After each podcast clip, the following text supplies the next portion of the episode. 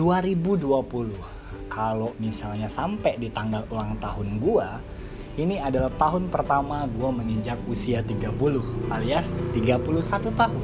Ya benar. Udah 3 per 4 dari 100 tahun ya satu abad ya gue menjalani hidup dan coba dipikir-pikir lagi apa sih perubahan yang terjadi semenjak lo SD, SMP, SMA, kerja, kuliah sampai sekarang waktu gue SD gue punya banyak banget mimpi. Gue pengen jadi jurnalis gue pengen keliling dunia. Gue agak-agak beda cita-citanya dari anak-anak lain. Teman-teman gue pengen jadi polisi yang cowok kebanyakan. Pengen jadi dokter. Yang ceweknya pengen jadi guru. Sedangkan gue dulu gue tuh suka dipaksa sama bokap gue buat nonton berita di mana pada saat kita asik-asik nonton film kesukaan kita bokap gue kadang iseng mindahin channel ke channel berita. Dan mau nggak mau gue harus ngeliat. Dan di situ terfokus gue uh, selain beritanya yang gue nggak ngerti pada saat gue umur segitu gue melihat news anchornya.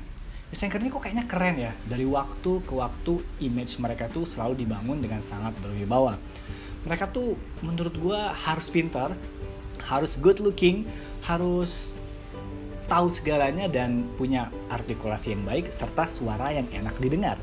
Dan tentunya muka yang enak dipandang juga yang mungkin nggak ada di diri gue ya. Dan mulai saat itu gue mulai tertarik di dunia jurnalis. Sorry.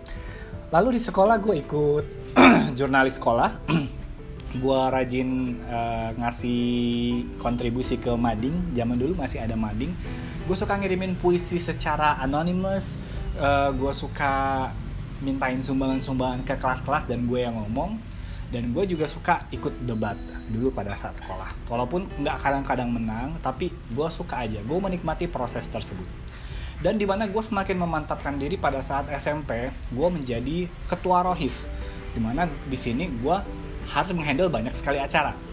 Gue itu tinggal di tempat yang mayoritas beragama Islam. Jadi setiap perayaan apa pun itu yang berhubungan dengan Islam-Islam pasti akan dirayain. Kayak misalnya Maulid Tabi atau itu satu Muharram, Ramadan atau hari raya-hari raya lainnya. Dan di sekolah yang dipercaya untuk menghandle acara tersebut adalah ketua rohis. Karena ketua rohis adalah uh, bagiannya ya yang menghubungkan soal agama seperti ini. Dan gue menikmati banget nih gue menikmati banget proses di mana gue harus ngumpulin dana gue harus bikin proposal dan gue harus menyampaikan ide-ide gue kepada guru-guru gue dulu terutama kepala sekolah. Dan menyenangkan sekali karena banyak banget acara yang sukses dan banyak banget orang yang ikut membantu di belakangnya. Mulai saat itu gue sadar bahwa wah dunia uh, komunikasi seperti ini sangat menarik. Dan kita nggak bisa jalan sendiri. Kita butuh orang lain kita butuh tim yang solid di belakang kita untuk membentuk image kita di depan sehingga kita menjadi orang yang kuat. Dan semakin mantap nih gue pengen banget yang namanya jadi jurnalis. Akhirnya di SMA gue pun ikut osis juga. Cuman nah di sini nih di SMA nih mulai surut-surut karena ya kenakalan remaja lah kemalasan yang mulai datang cita-cita baru yang mulai datang. Gue dulu pengen jadi pelukis gila kan? Gue suka banget gambar dulu pada saat SMA dan akhirnya gue memutuskan untuk membagi cita-cita gue tadinya gue pengen jadi pengen jadi jurnalis 100% SD SMP SMA gue mulai goyah nih. Terus mulai muncul uh, acara-acara uh, pencarian bakat mulai zaman SMP kayak dulu Akademi Fantasi Indonesia pas kita masih kecil. Ini mulai nih jiwa-jiwa bodohnya kayak mulai terpengaruh oleh asupan-asupan TV ya mulai pengen wah kayaknya jadi artis enak ya. Padahal nggak ada yang namanya bakat sama sekali buat jadi artis.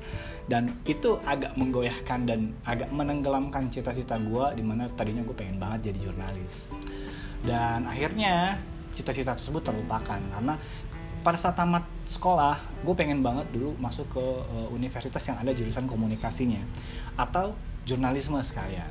Dan ternyata ya namanya juga tidak terlalu um, tidak terlalu tahu apa yang harus dilakukan dan kebetulan pada saat itu juga orang tua gue lagi di breakdown financial. Jadi abang gue habis operasi waktu itu karena mau masuk TNI tapi nggak jadi. Kakak gue yang perempuan juga harus masuk akpor di Palembang jadi banyak banget keperluan yang harus dikeluarkan oleh orang tua gue untuk kakak gue sementara gue yang baru tamat sekolah bingung nih mesti ngapain. Akhirnya gue nggak kuliah dan gue memutuskan untuk rantau ke Jakarta. Tahu sendiri dong kalau ngerantau kita kerjanya pun apa aja. Mulai dari gue kerja di SPG gue kerja di gue kerja jadi promotor dan yang paling yang paling gue inget banget gue jadi IO IO ini menyenangkan karena kerjanya kan bebas. Tapi memang nggak ada nggak ada nggak ada jam liburnya. Jadi kita kerja random gitu. Sekalinya libur ya pas event abis itu pada saat kita libur ini memberikan gue semangat kembali buat jadi wah kayaknya berhubungan sama orang nih enak nih ya kerjanya ya. Ketemu sama orang baru menyampaikan ide-ide kita. Di sini gue banyak dapat uh, banyak banget mendapatkan ilmu dari orang yang udah berpengalaman dalam menghandle masalah. Kayak misalnya gimana kalau klien lo nggak suka sama hasil kerja lo? Gimana kalau udah deadline tapi lo uh, belum selesai? Gitu. Dan di sinilah kita diuji uh, untuk um, kita punya skill, kita punya kemampuan komunikasi dan uh, keterampilan kita, kita curahkan ke seluruh pekerjaan kita. Jadi uh, solusi solution maker. Lalu uh, IO ini akhirnya memantapkan diri untuk menjadikan mereka tidak sebagai independent company lagi, tapi sebagai commercial company. Akhirnya kita direkrut sebagai karyawan. Nah, setelah jadi karyawan, uh, perlakuannya beda sama pada saat independen jadi kita ya sama kayak karyawan-karyawan pada umumnya di mana gaji pun juga diikutin sama seperti karyawan karyawan pada umumnya yang sangat-sangat di bawah ya.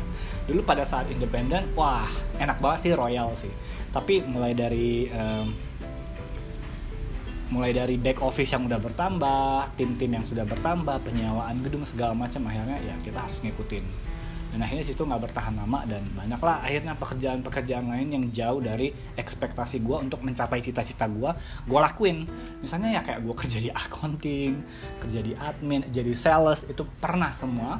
Dan itu benar-benar membuat gue melupakan cita-cita gue buat jadi news anchor. Ya sudah lah ya di umur segini kayaknya udah nggak mungkin lagi. Dan di situ gue mulai berpikir nih um, semakin bertambahnya usia kayaknya kesempatan semakin menipis untuk um, meniti cita-cita gue akhirnya ya udahlah seiring dengan gue butuhnya mencukupi kebutuhan hidup gue juga bayar bill ini itu akhirnya pekerjaan apa aja yang bisa gue dapat ya udah gue jalanin gue belajar. Alhamdulillah gue dapat banyak banget pengalaman dari pekerjaan gue yang berbeda-beda itu. Gue dapet suatu kesimpulan bahwa setiap pekerjaan itu nggak ada yang enak. Nggak ada yang enak. Gue selalu bercita-cita nyari kerja yang enak.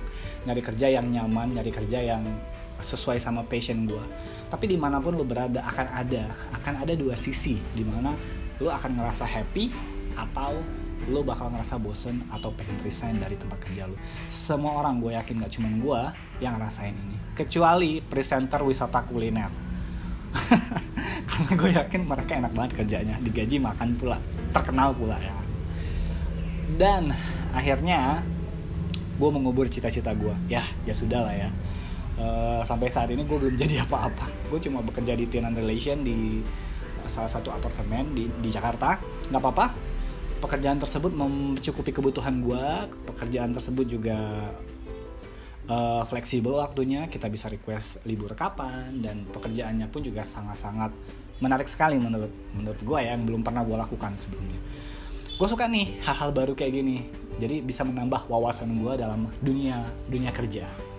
Dan akhirnya um, seiring dengan bertambahnya usia di usia 30 mulai ingat-ingat lagi nih flashback nih impian-impian waktu kecil waktu SMP oh iya dulu dulu gue pengen banget ya jadi jurnalis. Sekarang kalau lihat-lihat berita atau dengar-dengar radio uh, keinget lagi nih bener-bener flashback nostalgic banget yang gue tuh inget banget. Gue tuh pernah jadi MC di acara sekolah pernah jadi MC di wisudaan um, tempat ngaji. Saking pengennya jadi uh, jurnalis gitu dan gue dulu inget banget gue bikin cerpen gue bikin uh, jurnal-jurnal. Padahal gue masih SMP loh. Dan gue rajin banget gue punya banyak jurnal-jurnal tuh gue ambil dari clipping koran. Bisa itu tentang makanan tentang uh, menteri tentang artis yang terkenal sampai luar negeri. Dulu inget banget gue bikin clippingnya Anggun. Dan sekarang gue udah nggak tahu di mana itu mungkin udah kebakar ya. Atau udah hilang. Gue juga inget banget gue punya banyak banget portofolio gambar dari Mickey Mouse Winnie the Pooh pemandangan dan semua orang memuji memuji. Maksudnya oh bagus bagus lo bisa gambar gitu. Dan itu bikin gue punya value sendiri punya penghargaan sendiri buat diri gue dan sekarang gue udah nggak bisa gambar lagi karena bertahun-tahun gue nggak mencoba. Jadi skill itu mungkin sudah hilang pudar. Ya sudah lah ya kita terima kenyataannya dan akhirnya menemukan deh uh, media seperti ini di Spotify di Anchor media uh, media podcast. Wah mulai nih terbangkit lagi nih. Wah kayaknya bisa nih. Ini kan free uh, platform free di mana setiap orang bisa mencurahkan uh, apa saja yang ada di pikirannya secara bebas. Dan di sini gue merasa wah kayaknya nggak perlu deh ngikutin step-step seperti yang terpikir pada saat masih kecil di mana harus sekolah dulu jadi jurnalis. Kayaknya nggak perlu deh. Sekarang sosial media membuat orang menjadi penyampai berita either itu hoax atau bukan. Nah, sekarang tinggal pinter-pinternya kita nih milih-milih dan milah-milah berita mana yang harus dipercaya atau tidak. Karena secara garis besar, kalau kita smart, kita tidak akan menelan mentah-mentah berita yang baru saja kita dengar. Ya nggak? Kita harus cari source-nya dulu. Kita harus cari narasumbernya dulu. Yang benar yang mana sih? Kita harus lihat dari sisi A, kita harus lihat dari sisi B. Dua koin yang berbeda biasanya punya cerita yang berbeda juga. Dan gue seneng banget nih ada podcast kayak gini. Buat lo semua yang dengar, yang gue yakin gak ada yang dengar podcast ini, nggak apa-apa ini cuma buat penyaluran gue aja di mana gue bisa menyampaikan uh, apa sih yang sedang terjadi dalam diri gue cita-cita gue pada saat masih kecil. Dan platform kayak gini sangat membantu gue sih. Terima kasih banget yang nyiptain podcast yang nyiptain anchor aplikasi kayak gini. Dan itu semua membantu gue untuk mengenang masa-masa kecil gue yang sangat bahagia buat kalian semua yang punya mimpi kejar mimpi lo. Jangan sampai terlambat jangan sampai lo semua nyesel. Kalau lo semua udah nyesel kalau punya kesempatan grab that change and hold it tight. Sampai lo dapet yang lo inginkan. Sampai lo achieve lagi ya, yang lo targetkan sebelumnya. Pokoknya tetap bersemangat karena ingat aja awal pada saat kita berjuang itulah penyemangat kita. Tetap semangat dan tetap sehat selalu